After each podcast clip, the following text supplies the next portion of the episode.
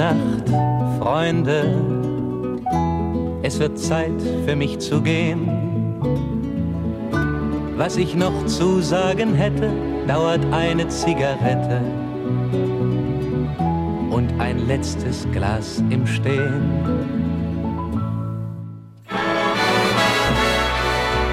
Dit is Het Beste uit het Oog. De wekelijkse podcast van NOS met het oog op morgen. Buiten is het 26 graden. Binnen zit Max van Wezel. hey, ik dacht dat het uh, buiten altijd 38 graden was in Nederland. Nou ja, van harte welkom bij deze nieuwe aflevering van Het Beste uit het Oog. Het was een warme week, maar toch voerden we zwoegend en zuchtend mooie gesprekken. En we hebben de beste daaruit geselecteerd.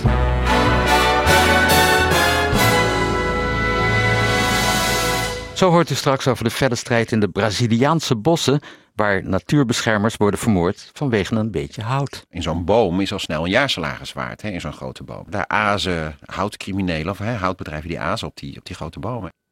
En we spraken met de tweelingbroers van Tangerine, die binnenkort met een nieuw album komen.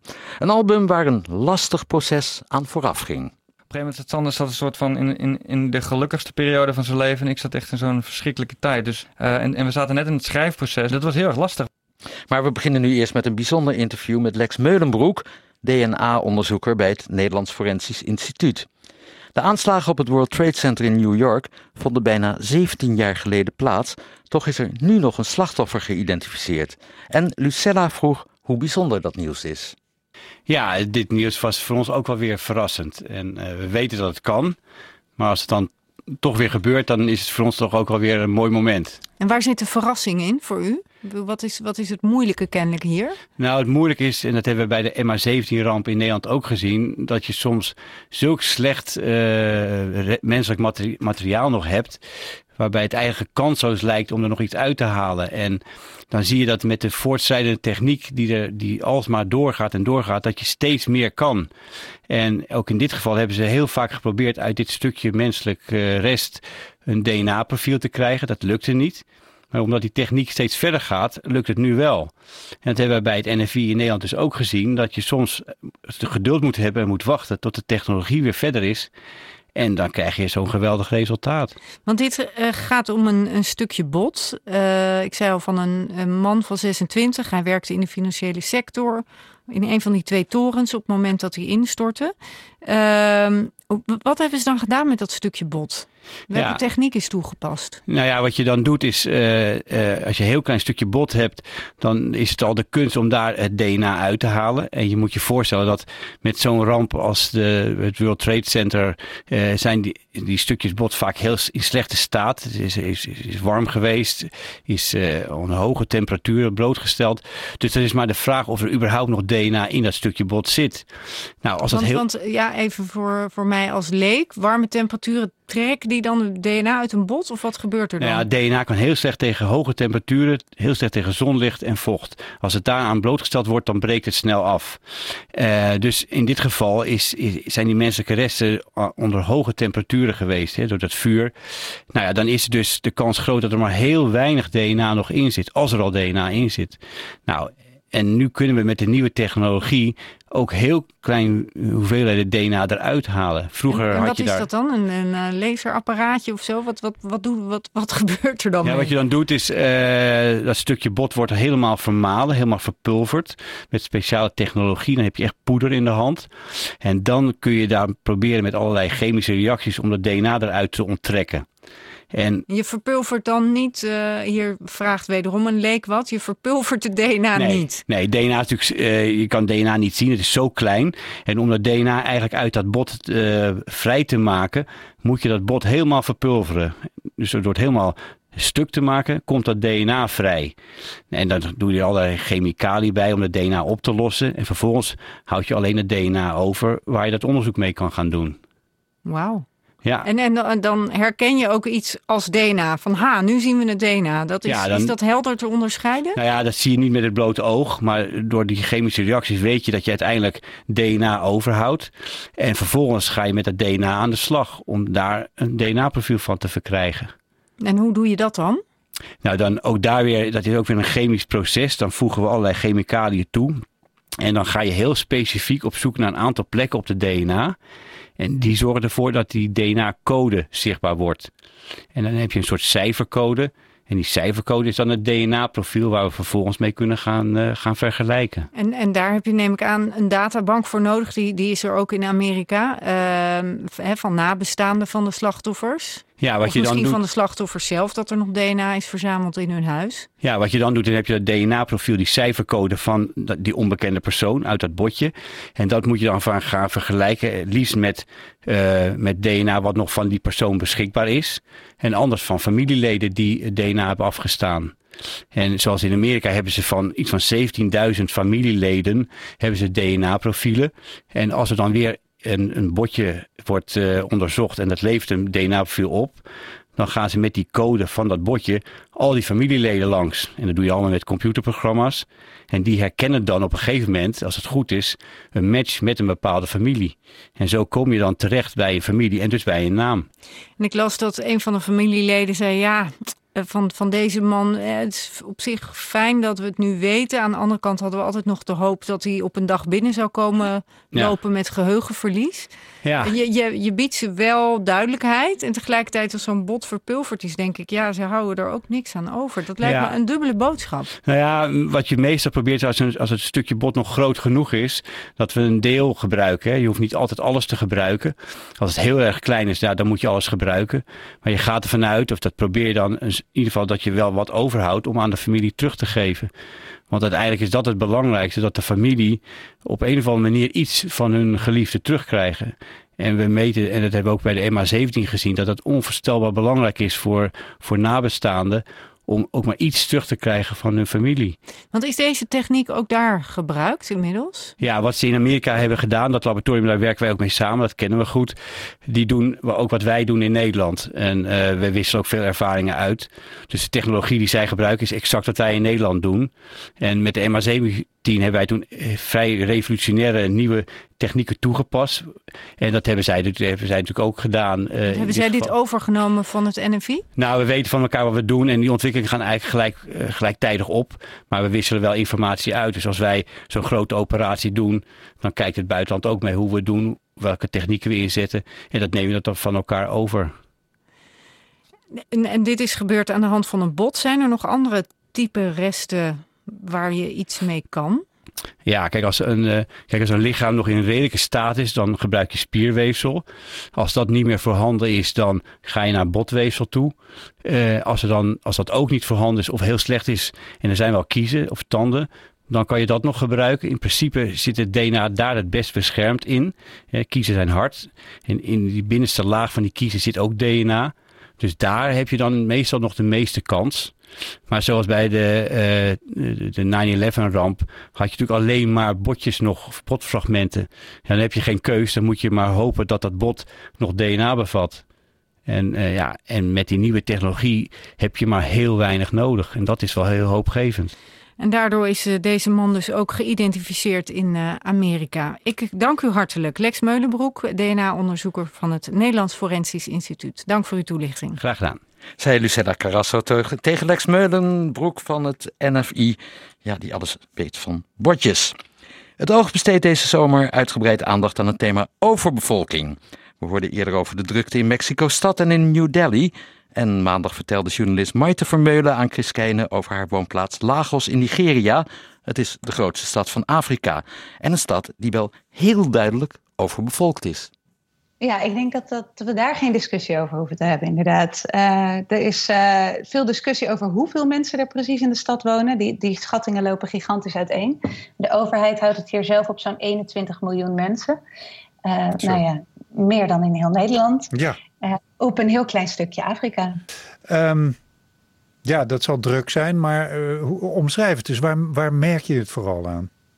Ja, waar het, het allermeest aan merkte is het verkeer. Ik hoorde ook al dat dat ook over Mexico-stad en Delhi natuurlijk ook genoemd werd. Ja. Maar uh, het verkeer is een gigantisch probleem hier. Je moet je voorstellen dat die stad eigenlijk verdeeld is in twee delen, twee werelden ook wel. Hmm. Uh, je hebt de, de eilanden, dat is waar de rijke mensen wonen en waar alle bedrijven zijn. En je hebt het vasteland en dat is waar alle armere mensen wonen. Ehm, maar die arme mensen die moeten natuurlijk naar de bedrijven komen om ook voor hun banen, om te werken. Dus elke ochtend is er een soort gigantische migratie van dat vasteland naar de eilanden toe. Ehm, per auto eh, en per busjes en per kekkes, dat zijn eh, van die tuk-tuks. Ehm, en dat gaat allemaal over drie bruggen. Eh, dus die bruggen die staan gewoon 's ochtends in de spits volledig vast en s'avonds in de spits weer terug naar het vasteland ook. Ehm, altijd dus één kant op, dus in die zin wel goed te voorspellen wanneer de file waar staat. Ja. Ehm, daar kun je rekening mee houden eh, Ja. als, je die, als je die luxe hebt. Want het is Mm. dus echt dood, doodnormaal om, eh, om hier zes uur in de dag, eh, zes uur per dag nou ja, bezig te zijn met van en naar je werk komen. Zes uur per dag. Ja, Ja, hoor, drie uur heen, drie uur terug. Ja, dat is echt heel normaal. Wij, wij hebben dit weekend eh, eh, in de hoofdstad van ons land, eh, nou ja, Lagos is niet officieel de hoofdstad natuurlijk, maar hebben we de Noord-Zuidlijn geopend. Maar een Ja. Noord-Zuidlijn hebben ze niet in, in Lagos. Die hebben ze helaas nog niet. Er zijn wel al, al jaren plannen. en, en er wordt ook wel gebouwd aan een elektrisch treinstelsel. Eh, met hulp van China. Hm? Ehm, die eerste lijn die loopt helaas niet naar de eilanden toe. Die ligt er al wel, een beetje in de, meer in de suburbs. Ehm, maar daar is dan nu weer het probleem mee. eh, dat, eh, dat is dus een elektrische trein. eh, en de elektriciteitsvoorziening is heel erg slecht in, eh, in Nigeria in het algemeen, maar ook in Lagos. Ah. Ehm, dus dat is nu wachten op een elektriciteitscentrale die speciaal voor deze trein gebouwd gaat worden. Maar het zijn wel een beetje Noord-Zuidlijn tafereelen, want die lijn zou al in 2011 opgeleverd moeten Ja, ja. worden. Nou, eh, we zijn inmiddels zeven jaar verder. Ja. Hoe, wonen, hoe wonen mensen in zo'n ontzettend volle stad? Tja, ehm, eh, heel verschillend. Je hebt hier de allerduurste wijk van Afrika, Banana Island heet dat. Dat is echt een soort Disneyland, mansions. Eh, nou ja, eh, dat kun je bijna niet voorstellen. Maar je hebt hier ook gigantische sloppenwijken. Ehm, op stilte in het water gebouwd heb je de beroemde sloppenwijk Makoko. Ehm, ja, mensen, eh, arm en rijk loopt hier gigantisch uiteen. De, de contrasten zijn heel groot in deze stad. Dus je hebt gewoon naast hele rijke huizen heb je mensen die onder bruggen wonen, die in hun auto's slapen. Ehm, ik sprak gisteren nog een man eh, die twee, er twee baantjes op nahoudt omdat hij geen huis heeft. Dus dan is hij overdag security guard bij een ene bedrijf. En dan is hij s'nachts security guard bij een ander bedrijf. Hmm. Ehm, en dan kan hij in zijn nachtdienst een beetje slapen. Ehm, dus ja, het, het verschilt gigantisch. Maar ja, er is ontzettend veel armoede en er komen steeds meer mensen bij. Eh, die trekken vanaf het platteland naar de stad. Ik geloof eh, nou ja, tussen de 700 en de 2000 mensen per dag die hier aankomen in Lagos. En waarom Die doen, moet- ze dat, waarom doen ze dat dan als, als, als er zoveel armoede in die stad is? Is het toch nog beter dan op het platteland? Ja, omdat er echt geen banen op het platteland zijn. Op het Hm. platteland kun je eigenlijk alleen eh, landbouw doen. Eh, en eh, als je iets anders wil met je leven, dan, dan moet je gewoon hier zijn. Want ook al is die armoede groot, hier is wel waar alle mensen zijn, waar de markten zijn, waar, nou ja, waar je iets van handeltjes kan proberen op te zetten. ehm, ja, Ja. waar je toch iets van geld kan verdienen. Ja.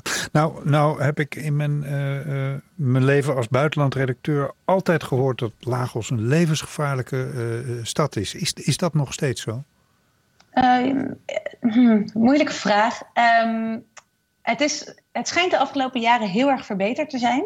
Ehm, het, en ook dit verschilt weer heel erg in welke wijk je bent. Ehm, maar ja, iedereen woont hier wel. Iedereen die een beetje geld heeft, woont achter hoge muren. Hm? Ehm, en er is ook heel veel criminaliteit. Ja, dat is zeker zo. Hoe Eh, woon jij dat- zelf? eh, ook achter een muur en op de eilanden. Wel in een eh, voor, voor, nou ja, voor de begrippen hier van expats in een heel basic huisje, waar ook niet 24 uur per dag elektriciteit zit. Ik zit nu in het donker. Ehm, maar, ehm, maar wel, eh, nou ja, voor, eh, vergeleken met natuurlijk heel veel mensen hier eh, in Ja. gigantische luxe. Ja. Maar beweeg je je makkelijk door de stad of moet je, moet je ook erg om je veiligheid denken? Nou, s'nachts moet je wel oppassen. Maar ehm, eh, wat bijvoorbeeld heel goed werkte al sinds de, een jaar of twee, drie hier is Uber en Taxify. Hmm. Eh, dus dat, eh, dat, dat maakt mijn bewegingsvrijheid redelijk groot. Ja. Omdat je die chauffeurs kunt raten en omdat je kan zien waar je bent op de kaart. Eh, dat vergroot de veiligheid gewoon heel erg vergeleken met een, taxi, een random taxi instappen. Ja. Ehm, ja, Maar een hele volle stad dus, die, die lijkt mij ehm, ja, geografisch ook niet echt veel, heel veel mogelijkheden tot uitbreiden heeft. Want ja, die eilanden die zijn ook op een gegeven moment vol. Terwijl, terwijl er wel ja, heel veel mensen naartoe komen. Ehm, hoe, hoe gaat de overheid daarmee om? Wordt er iets Nou, aan planning gedaan? Er wordt dus best wel veel nieuw land geschept. Ah. Eh, dus de eilanden zijn inderdaad vol. Eh, maar richting het oosten eh, worden veel nieuwe eilanden gebouwd. Dus ze ja, spuiten heel veel zand op. En, eh, en bouwen daar ja, eh, allerlei nieuwe huizen die ook weer allerlei problemen hebben. eh, zoals overstromingen, omdat ze te snel op dat zand zijn gaan bouwen. Hmm. Ehm, vanwege dat er zo snel ja, nieuwe huizen moeten komen. Ehm, maar ook een gigantisch nieuw business district zijn ze nu aan het bouwen op nieuw gewonnen land.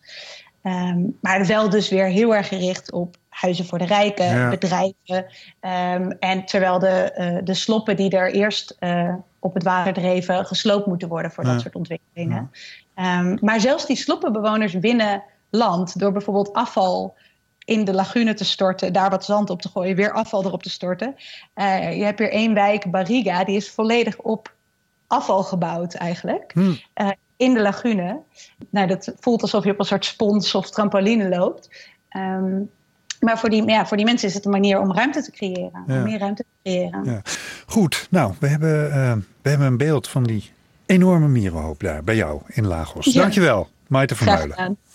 Maarten Vermeulen, die na een comfortabel bestaan bij de site De Correspondent nu pioniert in Lagos. Gaan we van Afrika naar Zuid-Amerika. Want vorig jaar werden 207 mensen vermoord omdat ze de natuur probeerden te beschermen. En Brazilië is koploper in dat eh, soort moorden. Criminoloog Tim Boekhout van Soningen deed onderzoek naar een inheemse gemeenschap in Brazilië die gevaar loopt. Joost Vullings vroeg hem of deze Indianen zichzelf eigenlijk ook als natuurbeschermers zien. Nee, ja, dat, dat is een beetje natuurbeschermer. Of het in de Nederlandse krant of zo, dan lees je ook wel eens milieubeschermers. Terwijl, Ja, die mensen zullen zichzelf nooit zo noemen. Die ze, want dat, niet? want- nou, dat zijn meest, die mensen, de meeste, dat zijn eh, mensen zullen zeggen, als je ze vraagt, zeggen ze nee, maar ik bescherm mijn gemeenschap. Ik, wij, bes- wij beschermen ons leven, eh, onze, on- onze dorpen, onze Gewoon- cultuur. Gewoon onze bomen die in ons Ja. dorp zijn en eromheen staan. Dus wij, zijn, wij beschermen, proberen die bossen te beschermen, omdat wij afhankelijk zijn van die bossen. Ja. Mensen zeggen wel eens van, kijk, zeggen ze, jij, eh, hè, jij, jij koopt je eten in de supermarkt en als je ziek bent ga je naar de apotheek. Zeggen, voor ons is het bos de apotheek. En het bos is ook onze supermarkt. Daar halen we al ons eten en al onze medicijnen halen we uit dat bos. Dus daarom is dat bos voor ons belangrijk. Ja, dat, dat is letterlijk hun leven. En u heeft daar ook onderzoek gedaan in het Braziliaanse Amazonegebied. Onder andere bij de inheemse Maro-gemeenschap. Kunt u omschrijven wat voor gemeenschap dat is? Nou, dit is een, een, een, ja, een inheemse gemeenschap, een indianengemeenschap. Hè, die, en, en die hebben eh, officiële erkenning gekregen dat ze inheems zijn. Want dat, dat is nog een heel gedoe eigenlijk. Om En hoe groot is die gemeenschap? dit gebu- nou, die gemeenschap zijn een paar honderd mensen, iets van, van 250 tot 300 is mensen. echt klein, ja. Ja, klein. Maar die hebben dan een leefgebied van eh eh, 44.000 hectare. K- k- k- kan u dat vergelijken met iets in Nederland? Is dat... volgens mij is het iets van, iets, van- iets van 20 bij 20 kilometer. Ja. Ehm, en, die, want ja, en dat is iets wat mensen ook in Brazilië, want in Brazilië wonen de meeste mensen in de stad, in het Zuid- Zuid-Brazilië, Sao Paulo, Rio en miljoenen steden. En die, gebruiken, die begrijpen even weinig als de gemiddelde Nederlander van hoe dat is om in een bos te wonen. En ja, mensen die jagen en die halen alles uit dat bos, maar die willen ook dat dat bos behouden blijft. En daar halen ze alles vandaan. En, en, en ze willen dat bijvoorbeeld grote bomen behouden blijven. Want ja, een grote bomen, fruitbomen, daardoor komen dieren in het bos om van die bomen te eten en, die, en zij jagen die dieren. Ja, en, en, dat is de Maro-gemeenschap. En wie zijn die houtcriminelen? Dat zijn houtbedrijven die eh, met houtvergunningen voor bepaalde gebieden. Maar die, die hebben dan vergunningen voor andere gebieden. Maar die denken, hé, hey, daar staat dat mooie bos van die indianen. En dan heb je allemaal van die joekels van bomen, die woudreuzen. En daar komen, en die willen ze, ja, pikken. Die gaan, ze gaan dat gebied, die gebieden in, alle inheemse gebieden, indianengebieden, officieel, indianenreservaten zeg maar. Maar ja, daar, daar staan de, de woudreuzen. En dus houtbedrijven proberen elke keer daar naar binnen te sneaken, zou je kunnen zeggen. Ja. Het is een sneaken, er staat geen hek. Ja. Hè? En, en, en maar om, de, om die grote En er wordt bomen... ook niet om, om gecontroleerd door de Braziliaanse overheid of, of ze zich wel precies aan de concessie houden, aan de vergunning. Ehm, nou, heel soms wel. Maar dat wordt allemaal wegbezuinigd. Want het is, er zijn allemaal politieke en economische belangen die willen, eh, die er baat bij hebben dat het wordt ontbost. Hè. In zo'n boom is al snel een jaarsalaris waard, hè, in zo'n grote boom. Dus, ja, en die, dus daar, daar, daar azen houtcriminelen, of hè, houtbedrijven die azen op die, op die grote bomen en eh, gemeenschappen. En dit zijn de typische mensen die daar eh, slachtoffer van geweld worden. Dus traditionele gemeenschappen die van die bos afhankelijk zijn, of kleine boerengemeenschappen, die, die, eh, die verzetten zich tegen die illegale houtkap. Of wat ook veel gebeurt, ze verzetten zich tegen de echte ontbossing. Want echt ontbossing is voor landbouw, dus grote veebedrijven, sojabedrijven uh, of mijnbouwbedrijven. Die, die willen alles ontbossen. En die, die gemeenschappen verzetten zich er tegen. Dus de type wat wij hier natuurbeschermer noemen, zijn eigenlijk meestal leiders van dorpsgemeenschappen, inheemse gemeenschappen of traditionele gemeenschappen. Ja, want u kent er ook een van, want u bent er geweest bij die Maro-gemeenschap. Een, een, man genoemd Dada. Uh, hij is ook bedreigd en, en aangevallen door, door die houtbedrijven. Ja, hij is eh, eerst begon dat met subtiele bedreigingen. Hè, van, eh, en, en dan ging het met geen gradaties. Dan worden ze honden vergiftigd, dan wordt zijn huis in de fik gestoken. Nou, en op een gegeven moment, als je dan nog verzet tegen die houtbedrijf, ja, dan komen er echt echte bedreigingen. En nou ja, hij is ontvoerd, gemarteld. Ze hebben echt een paar uh, moordaanslagen op hem gepleegd in verschillende plekken, zoals een keertje op de rivier en in het bos. En hij is elke keer kunnen ontkomen. En uh, heeft kunnen ontkomen. En, maar ja, het blijft een dreiging, is al tien jaar. Gelukkig heeft hij wel, want hij is ook heel intelligent. Dat is ook een van de redenen waarom ze proberen te, te doden. Hè. De meeste is wat slimmere hij mensen. Hij is effectief. Is het ja, ja. En, en, maar het komt ook, het is hem gelukt om officiële erkenning van dat land, van hun gebied te krijgen. Uh, maar het is hem ook wel weer gelukt, en dat pleit, ook wel voor hem, om in het federale, het nationale beschermingsprogramma te komen, mensenrechtenprogramma's. En hij heeft dus gewoon echt twee lijfwachten van de politie. Als ik hem in zijn gemeenschap niet, maar als ik hem in de stad ontmoet, dan uh, komt hij aan met, met een lijfwacht. goed, dat is, dat is fijn dat hij, dat hij bewaakt wordt, beveiligd wordt door de, door de overheid, de centrale overheid. Maar in feite wil hij natuurlijk dat die, dat die houtkappers uit zijn gebied blijven. Ja. En, en, en kunnen ze hem daarbij helpen, de centrale overheid? Nou, dat is nu heel heel moeilijk. De, de centrale overheid niet, nee. Het enige die hem echt kan helpen is justitie. Justitie, dat zijn nog het Openbaar Ministerie, officier van Justitie. Die, want in de grondwet hebben die inheemse, de inheemse bevolking van die Indianen hebben echt rechten. Dus, maar ja, die, die, die, die rechten worden niet gerespecteerd. Dus, maar de politiek, ja, daar heb je heel veel, uh, de, de landbouwlobby zoals het heet in Brazilië. En dat zijn gewoon eigenlijk, de, de, de, die hebben het nu voor het zeggen. Die willen eigenlijk ontbossen. Dus het is echt een beetje een strijd. Aan de ene kant de traditionele gemeenschappen, ook gesteund door justitie. En aan de andere kant... steun. Ja, absoluut. Dat absoluut. is niet zo corrupt dat ze dat... Nee, nee, justitie is, heb je heel weinig corruptie juist. Nee hoor, dat is, en, en, en die officier van justitie, maar, ja, die, die willen echt opkomen voor de rechten van die mensen. Maar en aan de andere kant staat de politiek. Ja, Dit is het nou, bedrijfsleven en de ja. politiek. Ja, nee, maar dat is echt wel een beetje de grote strijd in Brazilië. Um, uh, dat wat, ja, dat, uh, we horen natuurlijk niet zoveel over de Braziliaanse politiek. Maar dit is echt een strijd. Sommige mensen zeggen een oorlog. Want het is, ja, er vallen natuurlijk heel veel slachtoffers bij. En het, het, gaat hard tegen hard. Ja. Maar hard, vooral de hard van de kant van degene die willen ontbossen. Maar er zijn ook bij Indianengemeenschappen, niet bij hen, niet bij, hen, bij die Dada en Maro. Want die proberen echt uh, die proberen geen geweld te gebruiken volgens de wet te opereren. Maar er zijn ook andere Indianengemeenschappen die zeggen van nee, voor ons is het oorlog. Als ze hier komen, dan gaan we in de aanval. Hè. Dus het is echt, ja een strijd om land eigenlijk. En als u als criminoloog naar die structuren kijkt, zijn er dan nog, heeft u dan nog zo'n bijna een soort truc van op die manier zou je die illegale houtkappers kunnen treffen? Nou, wat ik op een gegeven moment ben. Ik heb er heel veel over geschreven. Ik denk, ja, dan moet ik. Je, ja, wat is de oplossing, meneer? Zeggen ja, ze dan. dus ik dacht van op een gegeven moment wil ik ook gewoon praktisch iets doen. Dus wat ik ben. Want ik, op een gegeven moment kwam ik op het idee van. Ja, je moet in ieder geval om dit op te lossen. Want de wereld wil dat, moet die de ontbossing stoppen. Iets met, met die mensen die daar wonen.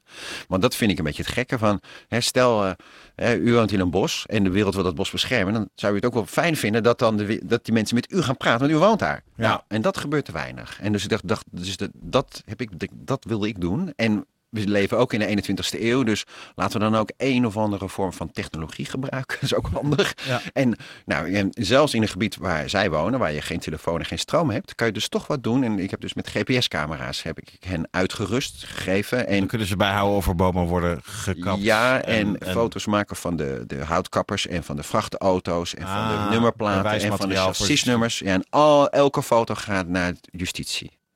Daarmee zijn we bijna aan het eind gekomen van deze aflevering van Het Beste uit het Oog. Maar we hebben nog een toegift. Tangerine was de gast, de tweeling Arnoud en Sander Brinks. Hun nieuwe album Because of You komt volgende maand namelijk uit. Het is een plaat over hun verstoorde tweelingbroederband. Chris vroeg wat er aan de hand is. Nou, we, we, hadden net, we hadden net onze vorige plaat gemaakt, uh, There and Back. En, uh, en we kwamen op een gegeven moment in een periode terecht van... Uh, wat gaan we... Waar gaan we het nu eens over hebben, weet je wel? Waar gaan we, waar gaan we nu een, een plaat over maken? En we wisten het eigenlijk niet zo goed. Maar toen gebeurden er opeens allemaal dingen. En Sander, zijn vrouw werd zwanger. Ja. Niet ja. onverwachts hoor. was ja. Uh, nou. negen maandjes. Ja. En, uh, en ik kwam in een scheiding terecht. En uh, op een gegeven moment zat Sander in een soort van... zijn kind werd geboren en ik kwam, ik kwam toen in die scheiding terecht. En op een gegeven moment zat Sander zat een soort van in, in, in de gelukkigste periode van zijn leven. En ik zat echt in zo'n verschrikkelijke tijd. Dus, en, en we zaten net in het schrijfproces. Dus um, dat was heel erg lastig, want we moesten liedjes gaan schrijven samen. Ja. hoe kunnen wij nou in die we zitten in twee verschillende werelden, hoe kunnen we nou een plaat, hoe kunnen we nou samen een plaat maken? Ja. ja, dus het was een beetje, een beetje lastig. Dus we zaten eigenlijk een beetje vast. En, uh, ja, het meest logische was misschien geweest dat we, ja, misschien was het tijd om dan toch een keer uh, gewoon los een plaat te maken. Hm. Hebben jullie dat overwogen toen? Ja, dat we hebben we wel vaker overwogen. Alleen wij vinden het altijd lastiger van, oh, dan ga je dat doen, maar dan word je, ja, word je toch een soort van en mensen maken dan toch snel een soort van concurrenten. Uh, maken ons een, soort Precies. van concurrent van elkaar. Ja, dan gewoon... krijg je het echte Simon Garfunkel verhaal. Ja. Nou, weet je, ik vind het ook wel interessant wat er dan gebeurt. Maar ik, ik gewoon, ja, om, om dan die concurrentie aan te gaan, dat vind ik hm. gewoon, nee, dan gaan we liever gewoon met z'n tweeën. Nee. Dit gaat over het muziek maken. Precies, maar dan gaat het wat, wat, veranderde, uh, wat veranderde persoonlijk? Veranderde tussen, tussen jullie samen in de manier van omgaan? Uh, nou, maar het is super vreemd op het moment. Kijk, wij uh, eigenlijk ging alles altijd wel redelijk gelijk op of zo. En ja. Wij zijn tegelijk getrouwd, hè? Op dezelfde ja, dag. Ja. Dus weet je, het ging helemaal best wel gelijk en, en alles ging goed en weet ik wat. En dan kom je opeens zo in, in een periode waarin, waarin, waarin de een in een heel gelukkige tijd zit en de ander in een heel uh, lastige periode. En hm dat is uh, als, uh, als, als tweeling zijn, als broers zijn, uh, is dat heel erg gek, heel raar. Want wat gebeurt er dan? Is betekent dat verwijdering? Want je nou ja, nee, kan ook je... enorm veel aan elkaar hebben natuurlijk. Ik bedoel, wat, wat gebeurt er? Nee, zeker, maar dat zeker. Dat, dat je wat aan elkaar hebt, of veel aan elkaar hebt, absoluut. Hm. Alleen op een of andere manier ben je niet gewend dat de een in de shit zit. Hm. En de, terwijl de andere in een heel erg gelukkige periode zit. Dat is, dat is zo raar. En Um, dat hadden jullie eigenlijk nooit hadden nooit zo komen? ervaren. Nee, Want andere je hebt op dat moment, je hebt op dat moment gewoon hele andere behoeftes. Weet je? Dat, dat maakt gewoon wel uh, een groot verschil. Hmm. Maar jullie hadden no eigenlijk nooit met die mogelijkheid rekening gehouden? Of? Natuurlijk niet. En helemaal niet dat dat een soort van tegelijk gaat gebeuren. Maar. En wij hebben dat niet zo gepland van, ah, ja, misschien is het wel een goed verhaal voor een, nieuwe plaat of zo. Nee, nee, nee, nee dat begrijp, dat begrijp ik. Maar ik bedoel, andere mensen uh, maken ook uh, van alles mee in hun levens, ups en downs. Dus, nee, maar ja, iedereen, dus, hè, dat ja, is daarom. ook zo. En absoluut. Maar uh, dat maakt het niet minder erg. Of, nee. Weet je wel, en... Um, en dat hadden wij ook. En bij ons is het natuurlijk gek, omdat we zo, zo nauw met elkaar verbonden zijn. maar het heeft, kijk, het heeft voor deze plaat juist ook wel. want voor ons werkt het heel erg om, om dingen van ons af te schrijven en dat ah. in, in liedjes te stoppen. En, uh, en dat heeft ja, voor deze plaat is ook eigenlijk wel heel erg eh, goed gewerkt. Want we wilden niet meer die, uh, die folky singer-songwriter plaat maken die we eigenlijk al uh, gemaakt hadden voor ons gevoel. we wilden wat anders en ja, en het werkte op die manier heel erg goed. Dat verstoorde, weet je wel, wat, wat er gaande was. Hoor je ook in, uh, in de liedjes terug en in de muziek terug. En dat wilden we ook graag. Ja, wat betekent het muzikaal? Uh, betekent het alleen voor, voor teksten en voor onderwerpen iets? Of betekent het ook muzikaal een verandering? Ja, voor ons, voor ons gevoel wel. Uh, omdat het een, een, periode is waar we nooit in ons leven mee gedeeld hebben. Ehm, wij hadden, we, daarom, we besloten eigenlijk ook om om naar een, uh, naar een bepaalde uh, studio te gaan. Dat hebben we vorige keer ook gedaan. De vorige plaat hebben we daar ook opgenomen. In een plaatje in, uh, in, in Tucson, dus in het zuiden van Amerika. In Arizona, ja. Ja, en... Um, dus we, we kenden die studio en wisten dat we konden verwachten. En de vorige keer viel het ons op dat, dat je, als je die studio binnenwandelt, dat je omgeven bent door heel veel instrumenten. Heel veel gitaren, heel veel synthesizers, percussie, echt, noem het maar op. En, um, en, en wij voelden allebei dat deze platen dat nodig had. Heel veel ruimte om uh, met verschillende instrumenten te werken. En uh, gewoon wat, als, weet je, als je met een nummer bezig bent, om gewoon wat te kunnen pakken. Eh, iets geks, of weet ik het. En, mm -hmm. weet je, ik denk dat de, de vernieuwing in, ons, ja, in onze levens, zeg maar, die hoor je absoluut terug op. die vernieuwing hoor je ook in de muziek. Oké, nou, ik ben heel erg benieuwd naar uh, Because of You. Ja. Eind augustus, hè, is die? Yes. 31 augustus. Dank jullie wel en jullie hebben de tune gespeeld. Yeah. Freunde. Es wird Zeit für mich zu gehen. Was ich noch zu sagen hätte, dauert eine Zigarette und ein letztes Glas im Stehen.